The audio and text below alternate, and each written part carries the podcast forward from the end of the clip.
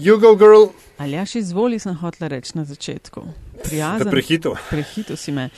Umet in čaj, podcast o medijih, dobrih in slabih praksah, novih tehnologijah in trendih prihodnosti. Gostje v medijih delajo, z njimi živijo in o njih razmišljajo. Gostiteljem pa sva Aljaš Pengovitenc, Radio Chaos in Nataša Briški, Metina Listam. Zdravo, Aljaš.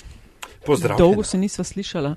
Mm, res je, cele, kaj, Nekaj ur. 27 ur. Recimo, ja. Um, hvala vsem, ki ste z nami v tej epizodi. Super bom in zelo dobre informacije in zgodbe iz ozadja bomo zvedeli z tokratnim gostom. Še prej pa komentarji in predlogi. Če kdo res karkoli ima, eh, zelo dobrodošli na infoafna metinalista.sim. Spremljava tudi ključnik Metin Čaj, eh, lahko pa naj tudi podsukate za rokav na Twitterju pod eh, Afna Pengovski in Afna DC43. Eh, Želiš, Alja, še kaj za začetek? Um, ne, razen tega, da se je treba pač še vedno tudi z mojega konca zahvaliti uh, vsem izrazom podpore, navdušenja, uh, pozitivnim, kaj se tem reče, konstruktivnim kritikam, ne, ki uh, jih vedno in vedno z veseljem prisluhnova. Skratka, bodite takšni, kot ste. In res lepa hvala za deljenje epizode in podporo v vseh možnih oblikah. A, tako, zdaj pa gremo na naj gost, tokrat je Robert Škarjanc, Radio Slovenija. A, Robert, zdravo. Ja, lepo zdrav. Zelo vesela sva, da smo se ujeli. Tile uh, dnevi, tedni zate predvidevam zelo divji. Ja, ne vem, kako ne rečem, ampak na vsake tok cajt ima vsak novinar, mi rečemo olimpijado in pač trenutno imam jaz s tem, kar se dogaja. E, tako da, e, naprimer, danes sem uradno na dopustu, ampak sem že zjutraj dobil veselo klic, da nadaljujemo z olimpijado, tako da sem brez besed prišel v službo in sem sedaj e, tukaj in pravkar nekako raziskujemo, ker je prišlo ven, da vojska naroča opremo za obvladovanje Aha. množic, 600 pendrikov, ščitov in ugotavljamo, ali je to namenjeno za Kosovo ali za kam drugam, glede na to, da vojska rada kupuje več namensko opremo, kot rečejo. Skratka, dihaš na škrge. Že Ja, diham na počasi. škrge, tako da red bulček, tako da sem mal, kako bi človek rekel, da bom sfolgal še tole z vama. Hvala ti, ful lepa, hvala res za čas in Robert. eh, Prvo in zadnje vprašanje sta vedno enaka vsem gostom in gostjem, do zadnjega še pridemo. Prvo pa je, da za tiste, ki eh, te morda ne poznajo in tvojega dela, če se lahko na začetku mal predstaviš, eh, tvoja novinarska karijera. Ja, začel sem leta 87 na valu 202, potem, ko so zvedeli, da sem obramboslovec, so me zelo hitro videli v notrne politični redakciji, tako da 88. sem bil eh, redno zaposlen na radiju in od takrat dalje sem skozi v notrni politiki in seveda en redkih srečnežev, če lahko tako rečem, da eh, 32 let eh, že spremljam svoje področje, seveda z nekim manjšim premorom, nekaj mesečnim, ko sem bil v suspenzu, ampak uh, pustimo to. Uh, drugače pa, okay. kaj naj rečem? Tukaj sem, eh, ratalo je že to vse skupaj obrtniško, uh, delam. Uh, 32 let, dajmo to ponoviti. 32 let pokrivaš eno področje in delaš za eno in isto novinarsko hišo. Ja, moram priznati, ja, da sem red, redko, en redkih srečnežev, ki uh, v bistvu 32 let delam redno, pa prej sem še honorarno, seveda. Uh, in moram reči, da redko kdo ima tako srečo, da se lahko skozi ukvarjaš in specializiraš na nekem področju. Uh, tako da radio si je pač to lahko privoščil, seveda. Ne delam samo vojske in policije, ker sem v notrne politični redakciji, seveda, krpamo vse, delamo vse, takrat, ko je gužva, ampak da je reči, da sem en redkih še specializiranih novinarjev za točno določeno področje. Ampak Sloveniji, res, tako rekoč. veš, naj, našla bi jih še kakšne, ki so z isto hišo toliko let, pač verjetno RTV pa na delu, pa na dnevniku, mogoče koga ne, ampak da pa lahko že 30 let eh, to pokrivaš. Skratka, tep ni treba googlati, ko nekdo reče, depala vas, ker si to pokrival. Uh, tep ni treba googlati, ko je, govorimo o, o samosvojitveni vojni. E se res, ker smo pri tem. Uh, v bistvu si začel z Janezom Janšem in Kacinom ne? in evo 30 let kasneje spet smo tu. Ja, kot ena taka slaba nočna mora. Samo da smo vsi, ko se pogledamo v gledalo, veliko bolj sivi, pa z manj las. Uh, ampak res, ja, včasih, ko pogledam kacina na teh tiskovnih konferencah, se mi zelo hitro obrne film nazaj, kako je bilo takrat leta 91, čeprav takrat sem bil jaz v neki drugi vlogi tukaj, niti ne toliko novinarski, kaj ti radio imel srečo, da smo bili v bistvu edini mediji, ki mu takrat tista koordinacija ni usilila cenzorja.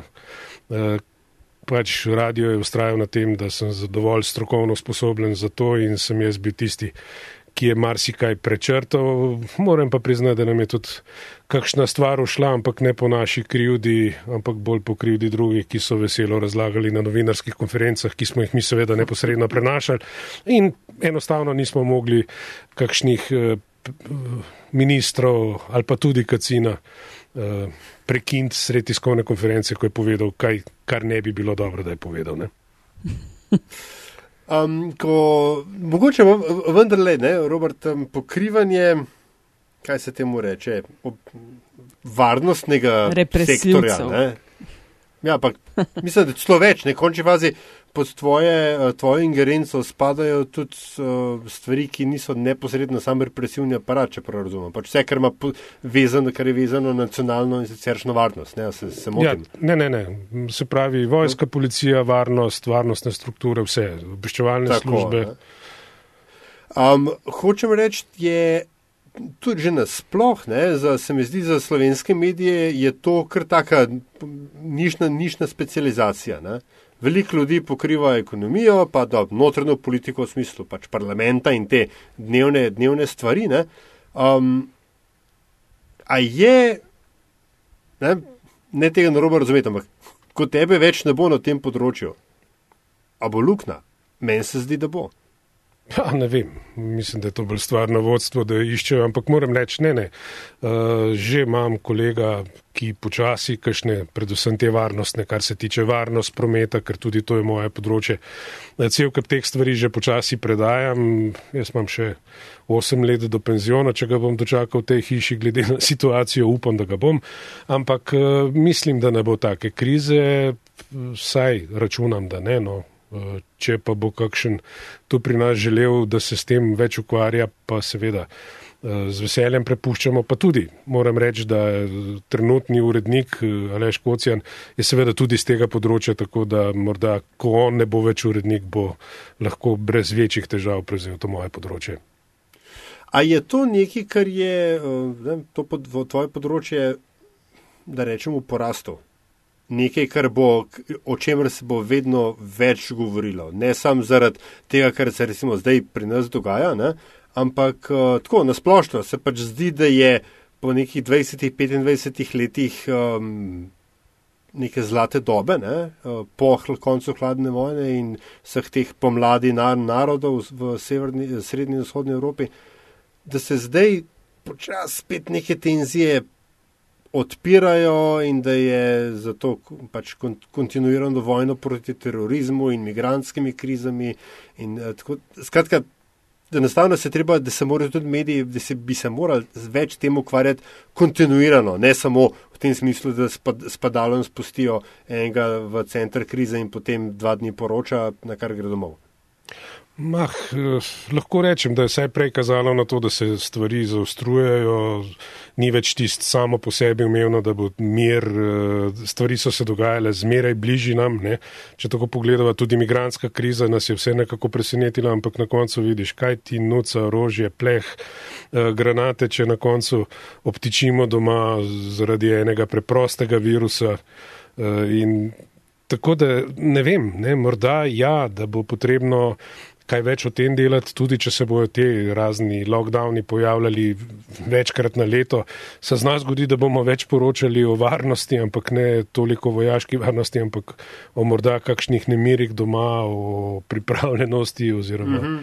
marsikaj se lahko zgodi, ampak Verjamem pa, da počasi bo treba vedno več uh, tudi o tem razmišljati, posebej na to, glede na to, da postajamo vse države vedno bolj nekako tako egoistično samo svoje in ne vem.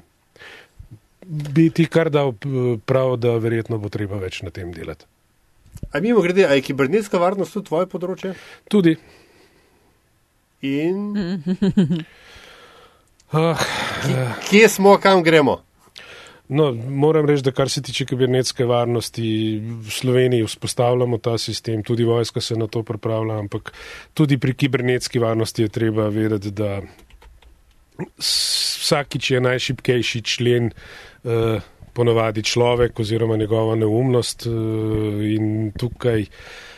Zaenkrat se še nismo navadili, da ni treba glih na vsak mail, v katerem ti ponujejo milijone klikant, vidimo, da ljudje še vedno klikajo. Tudi na RTV smo imeli, ne vem, mislim, da je pol leta nazaj, ko je nekdo na telefonu uh, kliknil na napačno sporočilo in so se potem kar tehniki nekaj časa matrali, da so nam rešili elektronsko pošto.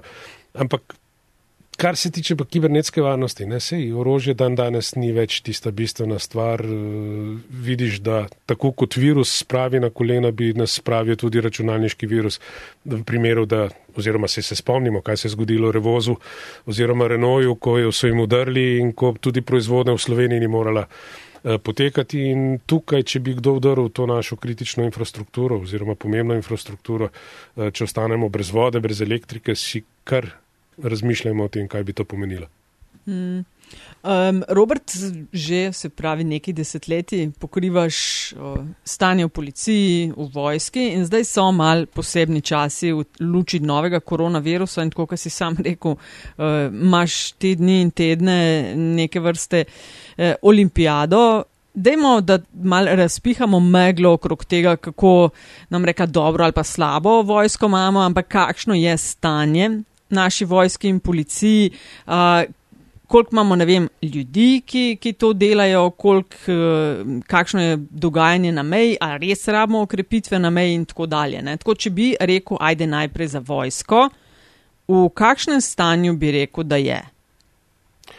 No, jaz moram reči, da vojska se od leta 2008 enostavno ni več pobrala, glede na to, da so jo takrat skenslali vse denar. Uh, Uh, klestilo se je do te mere, da je enostavno bilo denarja res za, veliko krat rečem, za plače in za kak patron, pa še to smo vabili američane ali pa kako drugo državo, uh, članico NATO, da je prišla k nam streljati, zato da so prinesli uh, streljivo, da smo lahko vsaj urili se s tem. Ne. In že ko je kazalo, da bo malce boljše, ko se v zadnjih letih le začelo povečevati kaj več proračuna, uh, je nastala spet ta neka čudna situacija s to koronavirusom in nekako se bojim, da se bo novi načelnik oziroma vojska znašla v podobni situaciji, kot se je znašla uh, leta 2008 za časa Pahoreve vlade, se pravi, da bo zaradi neke globalne gospodarske krize potrebno rezati denar, seveda rezalo se bo tam, kjer se lahko in tukaj je vojska ponavadi prva na udaru. In pa tukaj se imajo še kaj vzeti, a je še kaj vzeti, če praviš, da so že čist podhranjeni. Ja, vzame se lahko še vedno, kaj, neha se pri razvoju, neha se pri nakupih, eh, tako da seveda se da vzeti. Edina stvar, ki je, če bo res kakšna globalna recesija tukaj ratela, je potem, da se, vojski, eh, da se vojska bo nehala ukvarjati s tem, da ji primankuje kadra, kajti ko bodo. Eh, polni trgi delovne sile, ki ne bojo dobili zaposlitve, takrat vojska seveda z lahkoto dobi zaposlene in takrat pa bomo morda dosegli tistih 8000 eh, vojakov, ki si jih želimo uh, skupaj z rezervo. Ampak težava je v tem, ne, da vojska, ker se ni vlagalo, je težko v nekaj letih zapolniti vse tisto, kar je bilo treba vložiti. Uh, sanjamo o dveh bojnih bataljonskih skupinah, se pravi tistih 8x8 uh, o patrijah. Težava ti rata v tem, da mi bi rabili zdaj le hm, milijardo in pol denarja, če ne bom tako rekel, če bi želeli kupiti dovolj teh patrij. Z, oziroma, osem kolesnikov, vse vseeno, saj pri bokserjih je bila ta ocena, uh, z neko, vsaj kleno oborožitvijo, se pravi, da bi imeli kakšne topove, In tukaj ne vem, kje bo kdaj denar. Včasih smo imeli neko bramni tolar in mislim, da bi bila to ena od tistih rešitev, da bi lahko nekako vsaj nekaj denarja dobili izven tega obramnega proračuna za te nakupe. Ampak tukaj pa treba spet nekaj, ne vem, kaj se pri nas dogaja v Sloveniji. Vsakič, ko pride nek vojaški nakup, imam občutek, da si obramni ministri gradijo nek svoj spomenik in potem kupujemo ne stvari z police, ki bi jo enostavno uporabljali, ampak zmeraj nekaj modificiranega, nekaj posebnega za Slovenijo. In, Eh, seveda, stvari potem ne funkcionirajo tako, kot bi morale in tudi primer bokserjev, če bi jih kupili, bi se nam lahko zgodilo, da je tako, kot da imam doma Ferrarija, pa rečem, se ne morem voziti, ker mm. preveč benzina pokuri, pa nimam gnarja za benzin. Ne. Nekako v tem smislu se je stvar skoraj dogajala. Ne. Kaj pa policija? A je v kaj boljšem stanju? No, policija pa treba reči, da je bila v preteklosti veliko slabšem stanju kot vojska, če se spomnimo nazaj, tam leta 2000. 2004-2006 se je v vojski kar nekako razmetavalo z denarjem, policija pa je res takrat dihala na škrge. To, da po obdobju ministrice Vesne Gerkeš eh, so se tam stvari res uredile, več denarja za policijo, ogromno so naredili na opremi, tudi sedaj se dela na opremi. Tako da pa policija pa ne smemo reči, da je tako podhranjena kot je vojska, ima več in opreme in vsega, seveda. Eh, težave pa so tudi pri njih kadrovsko popolnevanje. Ampak težava je v tem, ker je to vedno en in isti bazen iz Ljubljane ali pa iz Primorske, enostavno ni zadobiti policistov ali vojakov. Zaenkrat je ta štajerski še bazen, kjer nekako gravitira v te poklice in tukaj bo treba nekaj narediti. Ali zdigniti plače, kar pa pomeni seveda umik iz. Plačne, enotnega plačnega sistema ali pa narediti nekako drugače, bolj zanimivo, kako se morajo pa ukvarjati res strokovnjaki, ker samo vabiti in morda samo denar ne bo dovolj za to. Um, mene je Robert že pred leti, sicer, zdaj sem ravno spomnil na to, okoli plač, um, presenetilo, pa mislim, da je bilo glih tam začetek krize in tako. Ko je prišel javnost podatek, da je osnovna plača vojaka na najnižjem položaju, nekako 890 evrov crka. Ja. In to, da daš 890 evrov človeku, ki ga v resnici ne, učiš med drugim tudi rokovati, se, uh, rokovati z orožjem v imenu tvoje lastne države, se mi zdi tako dost ponižujoče. Sej, verjamem, da je enako zdaj tudi za sestre in za zdravnike in za vse te frontline workerje, kot se jim reče v lepi slovenščini. Ampak imamo mi v Sloveniji sploh, po tvojem, tvoji oceni, zdrav odnos do, do o, rečem, kaj, oboroženih sil. Ne? Ker po eni strani se mi zdi, da jih fetišiziramo, po drugi strani in verjetno se v to skupino moram uh, samo kritično prešteti od sam, da imamo pa tudi mečken nezdrav odnos, da smo vsakeč, ko vidimo vojsko na cesti, tako mečken nervozni, ne, češ kaj se pa zdaj dogaja. Aj, kje, kje, kje smo, kaj, kaj bi morali biti po tvoje? No, vojski smo in policiji smo seveda vzdignili malce plače, ampak to je ta vedna, eh, vedno neko tekmovanje, ki se je dogajalo. Ne. Tudi policisti so bili na tistih minimalnih plačah, pa smo jim malce vzdignili, pa je vojska hotela potem malce več, pa so policisti zato, da bi si vzdignili plače. Enostavno sedaj je zahtevana više šolska izobrazba, eh, pri vojakih je dovolj eh, srednje šolske izobrazbe oziroma če bomo hoteli kader, bo tudi osnovna šolska, po moja dobra. In tako ta tekmovanje, kako se zdigujejo plače, grejo gor, plače se dvigujejo, en in drugi pa seveda trenutno flikajo vse skupaj oziroma si plače popravljajo s tem, da delajo na meji, tako policisti kot vojaki in to je trenutno edina rešitev. Sedaj pa, kako s plačami? Eh, v tujini, se veste, je navaden vojak, je slabo plačan. Uh, oficiri so malje, malce boljše plačani in saj za naše vidim, da jim je motivacija tudi te misije, kjer pa seveda zaslužijo kar relativno dobro, ne tako dobro kot v drugih državah, ampak vseeno ne, je to ena od možnosti za dober zaslužek in ravno zato se tudi mnogi odločajo za vojaški poklic in za odhode na misije. Ne. No pa pojmo še mal na ta. Uh check facting, kot mu rečeva, zalažem v metinem čaju. Veliko je bilo v teh dneh govora o, o um, kater člen je že 113 ABC ne, uh, in da bi vojska dobila policijska pooblastila in pomagala kolegom policistom na meji. Uh, Dej povej, koliko zares je prehodov in po tvoji oceni in spremljanju in poročanju o tem, koliko zelo res rabimo te okrepitve. No, gre za 37. člen zakona o obrambi. Mene zaenkrat z argumenti še niso prepričali, da bi bilo treba ta zakon spremeniti. Zdaj samo gibanje preko meje. Januar je kazalo relativno slabo, je bilo več kot v enakem obdobju lani, potem pa so se stvari začele spreminjati in padati. Ne? Tako da, če gledamo prve tri mesece, je nekaj manj kot prehodov, kot jih je bilo v enakem obdobju lani. Ampak tukaj treba vedeti, da je posledica tukaj ravno ta koronavirus in da so seveda tudi na Hrvaškem in v Bosni in Hercegovini eh, te migrante zaprli.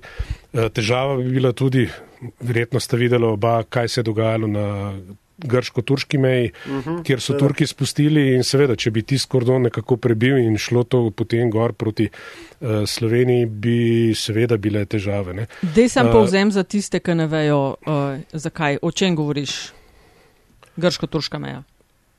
Ja, Turki pač so zato, da malce vzgajajo Evropo na vsake toliko časa, ko hočejo malo več denarja, spustijo ilegalne prebežnike oziroma imigrante na to mejo in seveda tam pride, glede na to, da je sedaj ta meja eh, zagrejena, zaprta, pač prihaja do teh eh, nekih eh, sporov, prepirov, intervencij. Zadnje čase seveda Frontex pomaga dol, tako da Eh, ne gre več tako enostavno po tej balkanski poti gor. Ampak treba pa vedeti, da na tej balkanski poti po nekih ocenah je še zmeraj deset tisoč ali več eh, prebežnikov, ki seveda samo čakajo trenutek, da bodo lahko odšli v svoje ciljne države, ker gre za Maročane, Alžirce, je to veliko krat Francija. Eh, težava pa seveda nastane, ne, ko pridejo k nam, ko jih mi dobimo, mnogi zaprosijo za azil in potem skušajo uh, v času azilnega postopka enostavno prebegant uh, naprej. Uh, ampak zdaj, glede na to, da tudi ostale države zapirajo, se jih pa velika večina odloči, da raje ne zaprosijo za mednarodno zaščito in se pustijo nekako vrniti na Hrvaško in seveda veliko krat probavajo eh, preko meje in eh, vsaj kar so mi policisti povedali, so tiste številke, o kateri govorimo na južni meji, so do sedaj bili veliko krat eni in isti, ki so jih prijeli in potem vrnili na hrvaško stran. Se pa je začelo pojavljati vedno več novih in saj ti obveščevalni podatki kažejo na to, da pa nam se v tem toplem vremenu lahko obeta kar precejšno povečanje teh eh, migranskih tokov in če upoštevamo še to, da so lahko okuženi tudi s koronavirusom in da nam prinese lahko kaj gor, takrat pa bi človek rekel, da bi bil morda čas za aktiviranje tega 37. člena, ampak treba je pa vedeti tudi to, da je bil ta 37. člen pisan za situacijo takrat, ko smo imeli res uh, ogromno število beguncev in je bilo so v bistvu ta policijska pooblastila bila namenjena bolj obladovanju množic, če lahko tako rečemo. Ne. E, tokrat pa govorimo o kriminalu. Kar se mene tiče, trenutno še ni uh, razlogov za aktiviranje 37. člena in enostavno uh, ne razumem, zakaj želi politika kar tako nekako na zalogo aktivirati ta člen, še posebej, če bi ga sedaj aktivirali in če nam začnejo prihajati uh, uh, ilegalci tam junija, bo nastala težava, ker ta ukrep je pa seveda izredno uh, limitiran, se pravi, lahko je dolg tri mesece in seveda potem parlament spet z dvotretinsko večino lahko podaljša še za tri mesece. Tako da enostavno ne razumem, zakaj in kako. Uh, Očitno imajo morda kakšne druge podatke, kot jih imam sam. Je pa res, da seveda ta člen zahteva dvotretinsko večino, morda so bili malce narodni pri uh, argumentih, zakaj in kako uh, aktivirati ta člen. Uh, sem pa na nek način vesel, da je v to ekipo ponovno nazaj na ministrstvo prišel Boštjan Šefic, uh, ki je že v času te imigranske krize odlično odigral svojo vlogo, bil sedaj na obramnem ministrstvu, tako da pozna tudi ta ustroj in upam, da bo uh, on lahko najdu prave argumente, da bo prepričal tudi opozicijo, da bo takrat, ko bo res to potrebno, prišlo do aktiviranja tega 37. člena. Ker uh, včasih se malo pozabila v vsej tej uh, debati, da vojska v resnici je že na meji, ne, v neki logistični podporni vlogi. Vse to je tisto glavna napaka. Ne? Vojska že sedaj, mislim, da je dnevno okoli 150 pripadnikov slovenske vojske na meji, ki pomagajo. Ne? Oni edino nas smejo zaustaviti, tiste štiri policijska poblastila, ki jih imajo, se pravi, da lahko zadržijo množico, usmerjajo, opozarjajo.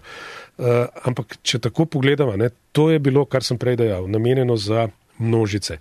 In ja. v tej vlogi, oziroma tako, kot si zamišljajo, sedaj, ko imamo pa na mejah predvsem uh, kriminalce, ki tihotapijo te imigrante, uh, potem bi bilo treba spremeniti enostavno zakon o obrambi in tam spremeniti tudi eh, kak člen, tako da bi lahko vojaki morda res samo obeji in res samo za ilegalne pribežnike eh, morda sami delovali, jih nekako zadržali, dokler ne pridejo policisti, ki pa lahko, eh, in to je treba res povdariti, samo oni lahko pa potem vodijo nadaljne postopke, gre za civiliste in ne bi si ravno želel, da vojaki to počno. In ena od takih težav je tudi, ne, vojska nadzira mejo, kaj pomeni, da jih bomo imeli na Brniku in na Mariborskem letališču, tudi tam je meja. Ne. In tukaj je treba res resnično opredeliti, da so jasne stvari, koliko časa traja in predvsem, kaj bojo počeli, da jih ne bomo na koncu res imeli kje v Ljubljani. Eno vprašanje, še prej si omenil Frontex ne, kot uh, enega od faktorjev na grško-turški meji. Um, kakšna je upetost slovenskega varnostnega aparata v, širši, v, v ta širši evropski kontekst? Uh, vem, da ko je bila migranska kriza, se je nekaj zelo potihem govorili, da mogoče bi pa lahko Frontex prišel. Sam Frontex tudi takrat ni bil to, kar je danes, ni imel, ni imel teh resursov. Uh, hkrati se na Evropski uniji, na ravni Evropske unije imamo zdaj ta PESCO, ne, se pravi skupni uh, inicijativo za neko grajenje nekega obrambnega sistema, ki mu ne smemo reči NATO 2.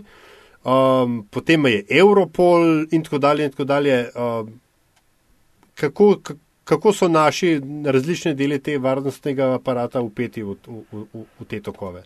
Ja, moram reči, da nekaj preveč. Če se spomnimo nazaj, ravno ko se je dogajala ta grška kriza, se je govorilo tudi o tem, kako bo Slovenija pomagala. Ne, in uh, mislim, da je takrat uh, Poklukar že govoril o tem, tudi kako so odšli, da bodo odšli na grško mejo tudi naši policisti. Ampak, če se ne motim, imamo mi 15 ali 25 policistov, ki so predvideni za delovanje v tem Frontexu, ne? kar pomeni, da ni neka ogromna številka. Je pa res, da pa z nekimi svetovalci in opazovalci sodelujemo, pa ne nehno in imamo jih v Bosni, imamo jih v Makedoniji, eh, cel kup teh policistov, ampak ne gre za tako veliko številko. Eh, in jasno je tudi, da v takih primerjih, kot je bila primer Grčija, Frontex v prvi vrsti oziroma država potrebuje neko eh, tehnično pomoč, se pravi helikopterje, posebna vozila, tle smo pa mi že tako ali tako bolj bosi, tako da nimamo niti nekaj dosti uh, za ponuditi. Ne. Ko si pomenil pesko, tukaj se pa jaz sprašujem, ali tukaj govorimo o vojski ali bolj o nekem uh, lobiju, uh, bi rekel, rožarske industrije, ker tukaj mi pa ni še ja. čisto jasno, ne. ker vedno imamo težavo. Ne. Evropa, ja, to ni ne prvi, ne zadnji poizkus, da bi imeli svojo evropsko vojsko, posebej sedaj, kakor se je Trump obnašal glede NATO. Ampak vedno je tako, ne? vi, evropejci, imate lahko svojo vojsko, ampak opremo boste kupovali pa pri nas. Ne? Ja, no, ja, da. Ja, in težava je tudi v tem, ne, da redko kdo to ve, ampak mislim, da je samo uh, 10% oziroma odstotkov ameriške oborožitve nekako kompatibilne z NATO, vse ostalo imajo pa oni uh, čisto po svojih standardih. Hudiča. Ja. A res, čakaj, da je to še enkrat razlož. V bistvu NATO kompatibilnost pomeni, da katero koli vozilo, ki pride k nam, imamo mi enake vtiče, enake priključke, vse lahko enako upravljamo. Ne? In uh, američani nimajo ravno tisto, kar imajo doma ali za druge. Uh, Homologacija. Posod, je tako. Ne. A, okay. ne, to se spomnim. Ja. Uvažanje avtov iz Amerike v um, Slovenijo in podobno, to so kar uh, ja. izzivi bili. Ja, pa ne, poraba benzina. Ne pa... moreš, ker je napačna luč, pa napačni amortizeri. Tako, tako, ja. tako. Ej, kaj pa je pri tvojem delu, ker veš, velikrat se sploh v tako posebnih razmerah, pa sploh, ko gre za vojsko in policijo, se mi zdi, da se en kup enih neresničnih informacij da hiter kroži. Kaj je v teh zdaj zadnjih dneh? Ali pa tednih, rečemo, da malo razširimo, ne, tudi na začetek olimpijade. Eh, kaj so bile največje bučke, ki si jih ti ujel? Pa so se izkazale, za, da, da ni držalo, da se je, ne vem, kotalil po medijih, da so ljudje po družbenih omrežjih o tem uh, debatirali, pa je bilo čisti fail. Ja, eno so zagotovo ilegalni imigranti, ker so jih v Bosni zaprli. Hrvati so tudi, tudi zaradi bojazni pred virusom eh, močno zaprli vrata, tako da teh prebežnikov ravno ni bilo veliko. Pa se je govorilo o, o ne vem koliko prebežnikih, ravno zaradi tega, da bi se upravičevalo ta 37. člen. Eh, potem druga bučka, ki se spomnim, so seveda, to smo vsi občutili in jo še vedno občutimo, ne, veliki naval. Ker nismo spoštovali in smo hodili na bled, na morje in so nas zato zaprli znotraj občin. Če pogledamo slike za nazaj, ne verjamem, da bi bil ravno tak naval, da bi nas morali zapreti, ampak razumem, bolje včasih malce bolj ostri ukrepi, pa da smo jo odnesli tako, kot smo jo odnesli, kar se tiče uh, celotne te COVID zgodbe. Uh, pa še bi se kaj naštelo. Ne? Ena od tistih je bila tudi taka, vem, da sem zastrigel z ušesi. Uh, Eh, ko je notrni minister razlagal, kako oba policijska sindikata eh, Aha. podpirata vse ukrepe Ministrstva za notrne zadeve in seveda govorili so o 37. členu in takrat sta v zrak skočila oba policijska sindikata, da uh, podpirajo seveda vse ukrepe Ministrstva za notrne zadeve, nikakor pa ne. Pri tem ne govorijo o 37. členu, kjer gre za povsem politično odločitev in so seveda takrat eh, sta oba sindikata protestirala, da ministr zavaja. Je pa tudi znano stališče predvsem eh, sindikata policistov Slovenije, da enostavno so vojaki mnogokrat policistom na meji bolj v breme, kot pa v korist. Uh, to pa zato, ker vse postopke in vse, kar se zgodi, morajo seveda delati policisti in če vojaki zaustavijo še koga drugega, seveda ponovno nastrada policist in več, ko je teh ljudi, več dela imajo policisti, tako da včasih uh, vidijo raje, da se enostavno hodi ob meji z orožjem zato, da morda zagotavljajo varnost ali pa dajo zven za to varnost, uh, drugače pa. Bojijo se nekako, da bi prišlo do nekega tekmovanja med vojsko in policijo in da bi seveda vojska tekmovala, kdo bo več uh, teh ilegalcev prijel in to bi seveda pomenilo za policijo enostavno preveč te administracije, tako da vprašanje, kako bi jo delali. Ne. Eh, potem naslednja stvar, ki me je tudi zmotila, pa niti nisem za njo vedel, ne. Eh, govorili se je, eh, kako je treba nujno prestaviti policiste z meje, zato da bojo nadzirali, kako mi kršimo meje niso predstavili nobenega. Eh, še huje pa tudi to, da sem zvedel, da je tretjina vojske doma in čaka, hkrati mi pa razlagajo, seveda, kako nujno potrebuje policija pomoč te vojske ali pa morda še ena, ne, da so aktivirali rezervno policijo, v bistvu je pa niti niso. Ne. Tako da te bučke je ogromno. Ja. Rezervne, ani pa čak, to je pa res pisalo, da so aktivirali na en koliko tisoč, tri tisoč ali nekaj takega, je bila ta prava? Pet tisoč so jih pripravili, ne, naj bi jih pripravili, ampak še niso, da bi tako rekli, da je. Bilo je rečeno, da jih bodo aktivirali, ampak zaenkrat jih še niso in vsi, vsi pozivi gredo k temu, da se naj najprej uporabi rezervno policijo in uh, jih dobro plačaj, šele potem naj razmišljajo o 37. členu.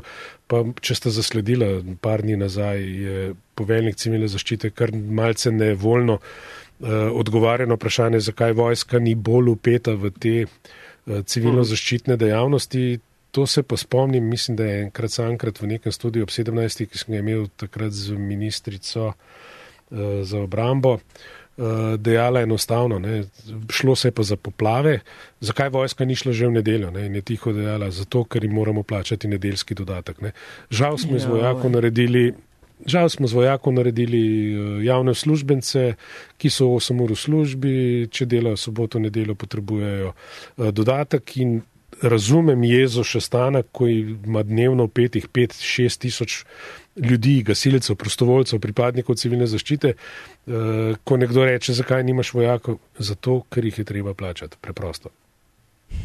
Um, Čist, ki te imamo že na zvezi, ne, a, ko si omenil, se pravi, rezervni sestav in tako dalje. Kaj vse od civilne represije je recimo Sloveniji na voljo za poslati na mejo ali pa za neko, bom rekel, če bi varnostna situacija v državi eskalirala ne, iz tega ali onega razloga, preden recimo bi lahko na, na, na, na, bi bilo treba na uh, mejo poslati vojsko. A je Slovenija recimo v stanju tudi ona zaprositi za sile Frontexa? Ja, mislim, da si tega ne bo želela, ker če ti v takem primeru zaprosiš za sile Frontexa na nek način, daš vedeti, da ne vlada situacija na meji. Ne? Tako da ja. vsaka država re, se boji tega oziroma se izogiba temu, da bi zaprosila Frontex. Ne? Pač v primeru Grčije je res, tam je res tak naval, da uh, mm. so jih verjetno tudi kar te sile malce tako na grobo usilili. Ampak, uh, kar se tiče pa civilnih, nimamo odkar smo uničili tisti naš splošni ljudski odpor in družbeno samozaščito, kjer smo imeli lahko tudi znotraj uh, strukture, na podlagi tega je ratela tudi, če se spomnimo, manevrska struktura. Ne, uh, Tega enostavno nimamo več, eh, mnogi si želijo tudi varde, da bi tam paradirale, jaz jih zagotovo ne želim, eh, sem tudi zastrigel z ušesi, ko je eh, to ni nekaj razmišljal o tem, pa kako bi na hitrico ja. usposabljali nekatere mhm. ljudi, da bi to počeli. Ne, to enostavno ni dobro. Mislim, da imamo dovolj policistov, če bo treba oziroma če je treba v redu, se aktivira tudi vojska, treba je morda eh, spremeniti zakon in dati kakšne druge pooblastila, kajti vse zanimiva situacija. Ne? Na Kosovu 300 eh, vojakov igra dobesedno policiste za javni red in mir oziroma eh, skrbi za to, če bi prišlo do demonstracij. Ne? Ti so usposobljeni za take stvari in lahko bi jih uporabili, ampak kot že stokrat, treba je to zapisati jasno, da ne pa kar nekaj tiščati, kot naprimer tišijo sedaj, eh, ne vem, malo kucine sem dobil gor tudi pri tem 103. pa 104. členu, eh, kako bi nas sledili, če bi kršili eh, karanteno in tukaj se mi zdi, da vse se nekako krtko malo na zalogo dela, pa ne vem zakaj. Robert, tako ti bom rekla, ne? še mal boš v tem stilu nadaljeval, pa boš pristal tam, kot katerega leta je že bilo, ko si bil suspendiran. A, ko me je sova vzela. Čak, dej, kaj te, aha, sova te je vzela. Eh, čak, ti si bil zaradi nepravilnega poročanja, ne? Um, ne, sem bil zaradi komentarja, ki ga je odobril tudi urednik, umaknen, oziroma nisem smel več pokrivati eh, sove, šlo se pa zato, da če se spomnite, takrat je šturmova komisija uh, brskala po sovi, kjer so malce čistili, uh, bi rekel, arhive. In uh, takrat sem zapisal čisto enostavno, da ne vem, zakaj morajo ljudje od odzunaj hoditi not in brskati po arhivih. Direktor ima vsa pooblastila in naj on naredi tisto, kar se že mora narediti. Če pa tega ni sposoben, se pa direktorja zamenja in sem bil naslednji dan jaz zamenjen, tako da je bilo to zelo hitro. Ne smešno, se mal sem se nasmejala, ampak ni bilo smešno, verjetno takrat uh, zate. Zelo neprijetna situacija, verjetno. V bistvu neprijetna situacija tudi zato, ker je tisti komentar, ki sem ga napisal, prebral urednik, se z njim strinjal, potem je bil, pa bilo tisto, ne ušlo nam je. Ampak, mm. uh, Bog pomaga, je pa takrat zdajšnji, naprimer, takrat je moje področje prevzel moj zdajšnji urednik, Aleš Kocer. Ne? In takrat je pa res, moram ga pohvaliti, tudi igral zelo korektno svojo vlogo, mi razložil, kaj se je zgodilo. In tako je bilo. In pač jaz nekaj časa nisem sove pokrival, takrat, ker mi je bilo dolg čas, ker so me tudi umaknili iz vseh teh, uh, kako bi rekli, vročih tem, sem se ukvarjal Aha. tudi s kmetijstvom, karkoli enostavno. Ni se mi dalo sedeti v pisarni, pit kavo in gledati fikus, ki ga nimam. Ne. Tako da sem delal druga področja, ampak eh, ti nimaš, nimaš, nimaš fikusa, ampak imaš pa velik mask, sem videla na, eh, na mizi. Da vidim, da, da Tomaš dela za vse vas. Eh, ja, Tomaš je za vsakega v redakciji naredil masko in seveda jih z veseljem uporabljamo. Moram pa priznati, da sem bil presenečen, da sem včeraj videl, da so tudi uh, naši vratarji delali tiste prtiček maske z elastikami, tako da uh, če kak gost pride ali če ti pozaviš svojo masko, ti dajo potem prtiček, da se lažje pokolj prodajajo. Obrišeš. Ne, ne, ne, to pa, tal, uh, to pa to talajo. Ja, za goste je enostavno, ker pri nas je nošenje mask po hiši ja, obvezno. Ja, razen v pisarni, seveda, damo dol. Ni smo... čudno, da jih mora država pol preplačati, če jih vi zaston dajete. A smo jih tudi sami naredili. Aha, ne, mimo grede, ko smo že pri um, Kosovu in uh, tako dalje, uh, ra, ravno kar je medtem, ko se mi pogovarjamo, ministrstvo za obrambo reklo, da je teh 600 ja. kompletov za nadzor množic, da je namenjeno našim enotam v, na, v okviru KFOR-ja in ja. da grejo tja. Kosovo. Ja, ampak, ko smo pa že, no, to, to, to me je še. Ampak prej sem se zafrkal, ja. prosti, če te prekinem. Ja, ja. Uh, slovenska vojska se hvali ravno s tem, da kupuje več namensko opremo, tako da ja, tri pikice. Ja, ja. Razumem, mm -hmm.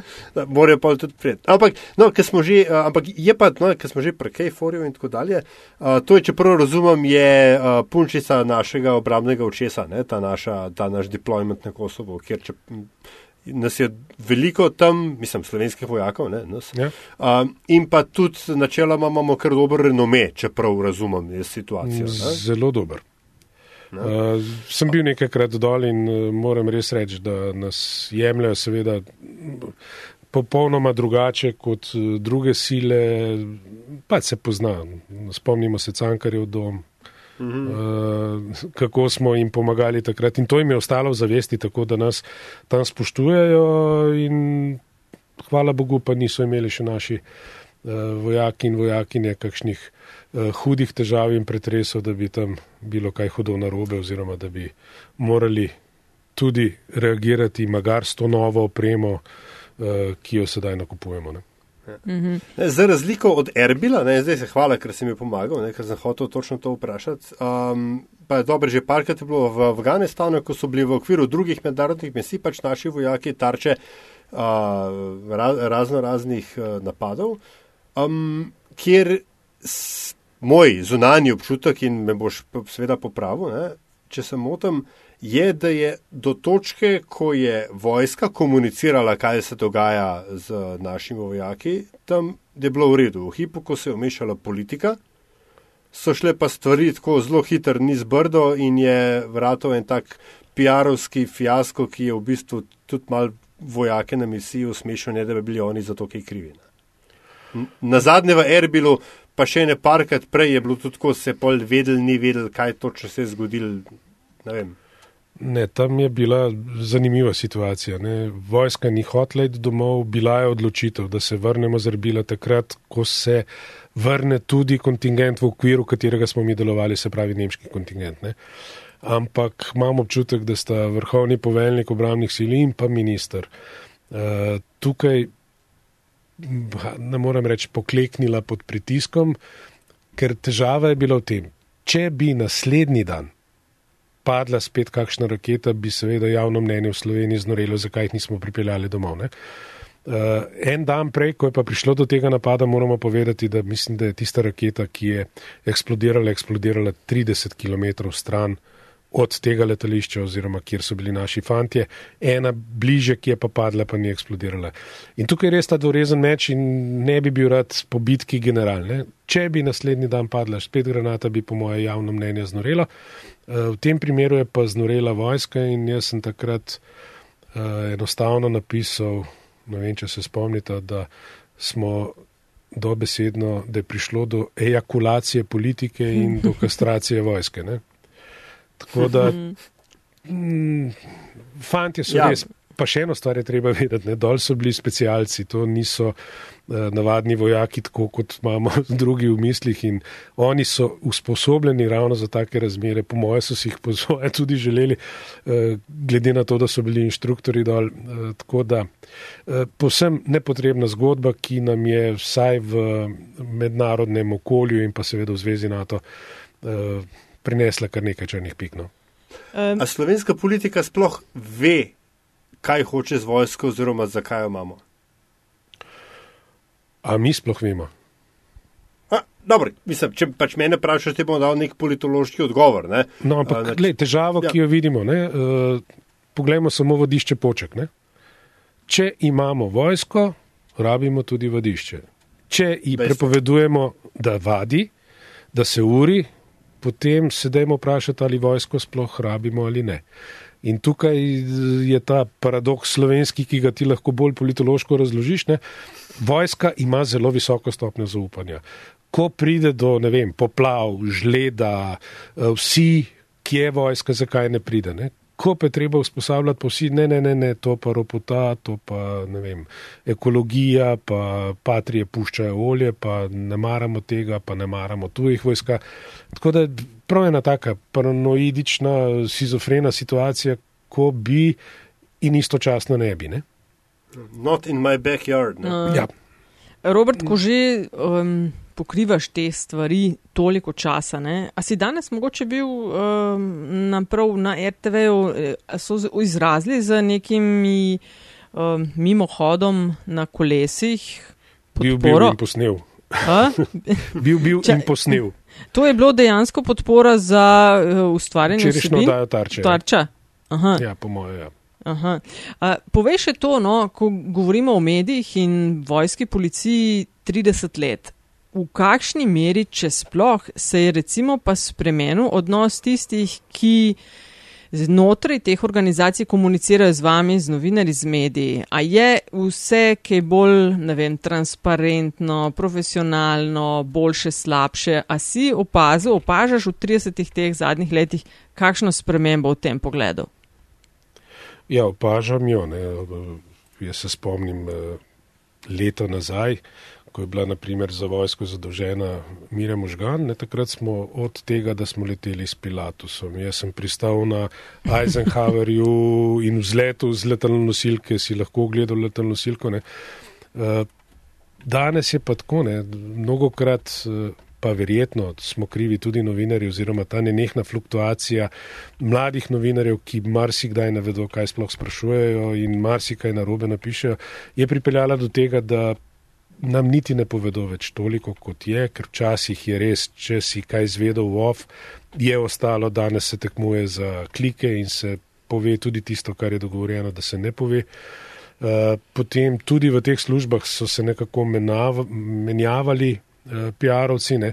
Ena redkih izjem je na obramnem ministrstvu, kjer že nekaj let v bistvu ta eno, ista ekipa dela ali pa na policiji je nekaj časa ista ekipa. Uh, Ampak tako je, ne? na vsake tok časa, ko pride kakšna garnitura, nas novinarje vidijo kot sovražnike, ki smo nek ne bodi ga treba in seveda takrat pa pride do konfliktov in so stvari različne.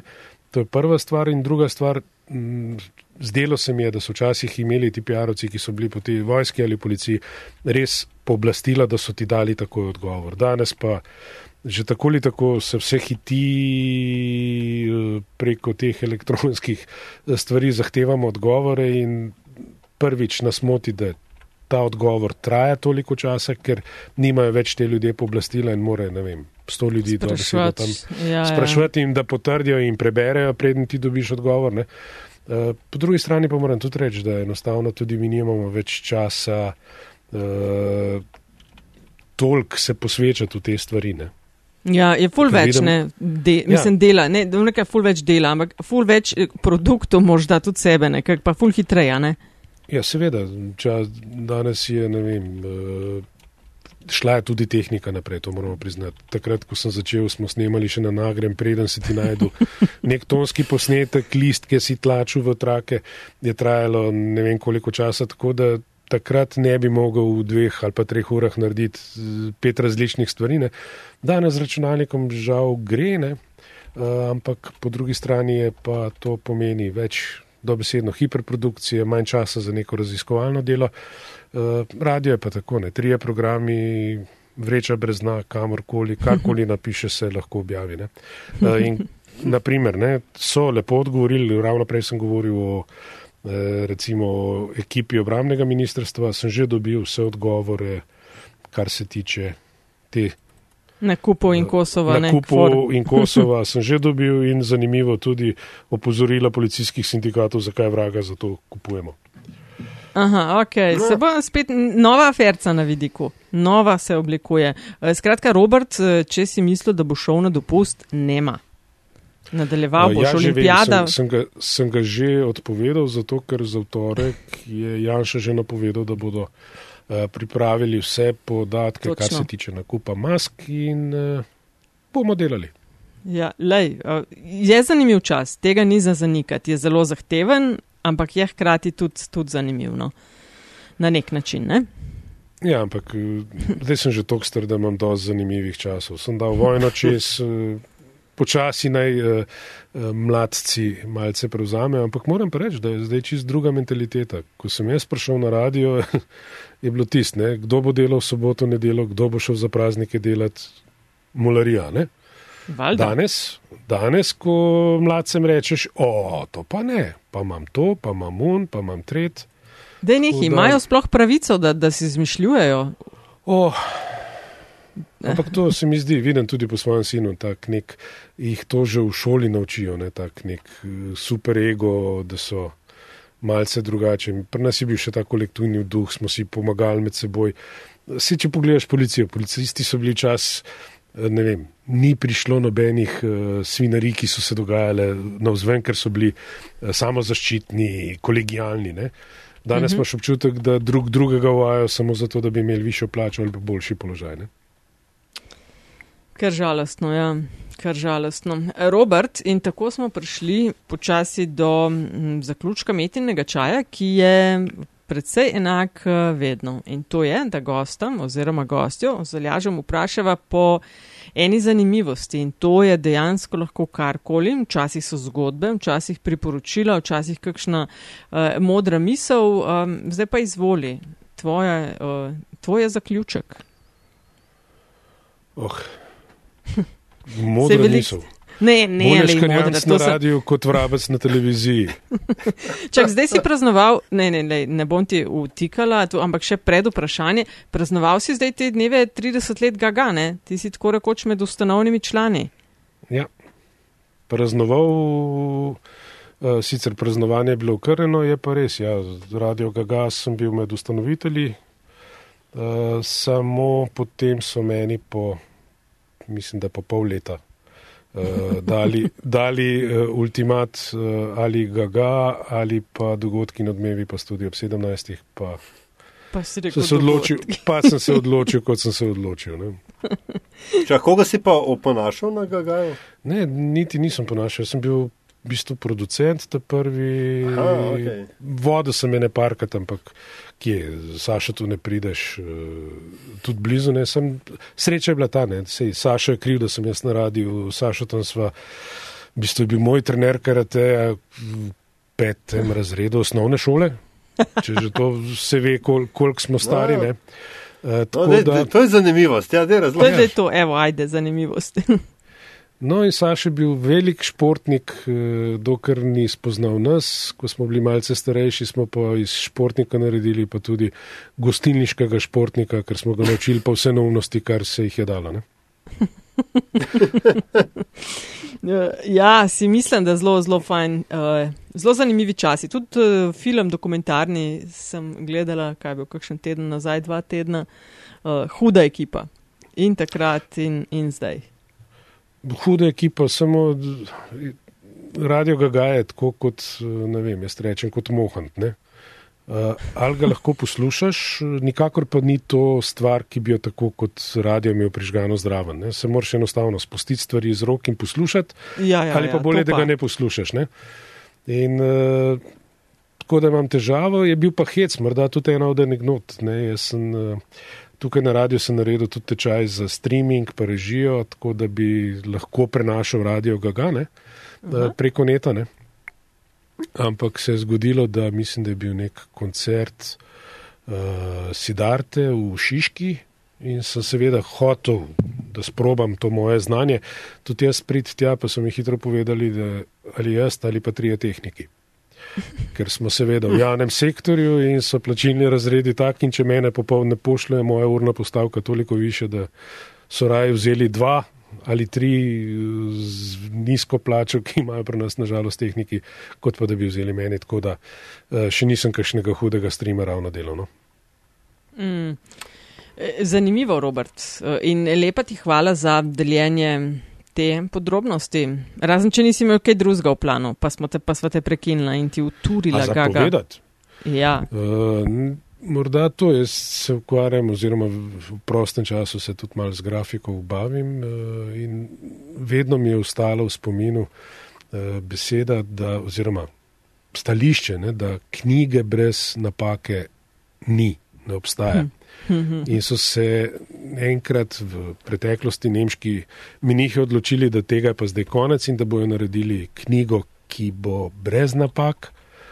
In so, ne vem, dve leti po vseh samostanjih prebirali tisto knjigo, iskali tipkarske napake in na koncu so z veseljem napisali Diese Buch iz one Drekfeller. Tako da. Ni, ne bomo razlagali. Ne bomo, lahko tudi izrežemo, no, ampak na mesto drug feler, ode vic, če ga grafiki ga poznajo. Robert Škarjanc, ful eh, lepa ti hvala, da si v teh zelo zasedenih dneh našel čas za met in čaj. Eh, zelo z veseljem sva te gostila in poslušala, kar si imel zapovedati. Hvala ti za tvoje delo in hvala, spoštovani poslušalke in poslušalci. Če, um, se vam je bila eh, epizoda zanimiva, ste kaj novega zvedli, bomo zelo veseli, če jo boste delili. Robertam pa lahko podsukate tudi za rokav na Twitterju pod afna r skrjanc. Ja, tako je. Uh, Facebooka hvala. pa nimam, ker sem preveč bukov. Hvala lepa, Robert. Hvala tudi vama. Lepo se me, čau. čau.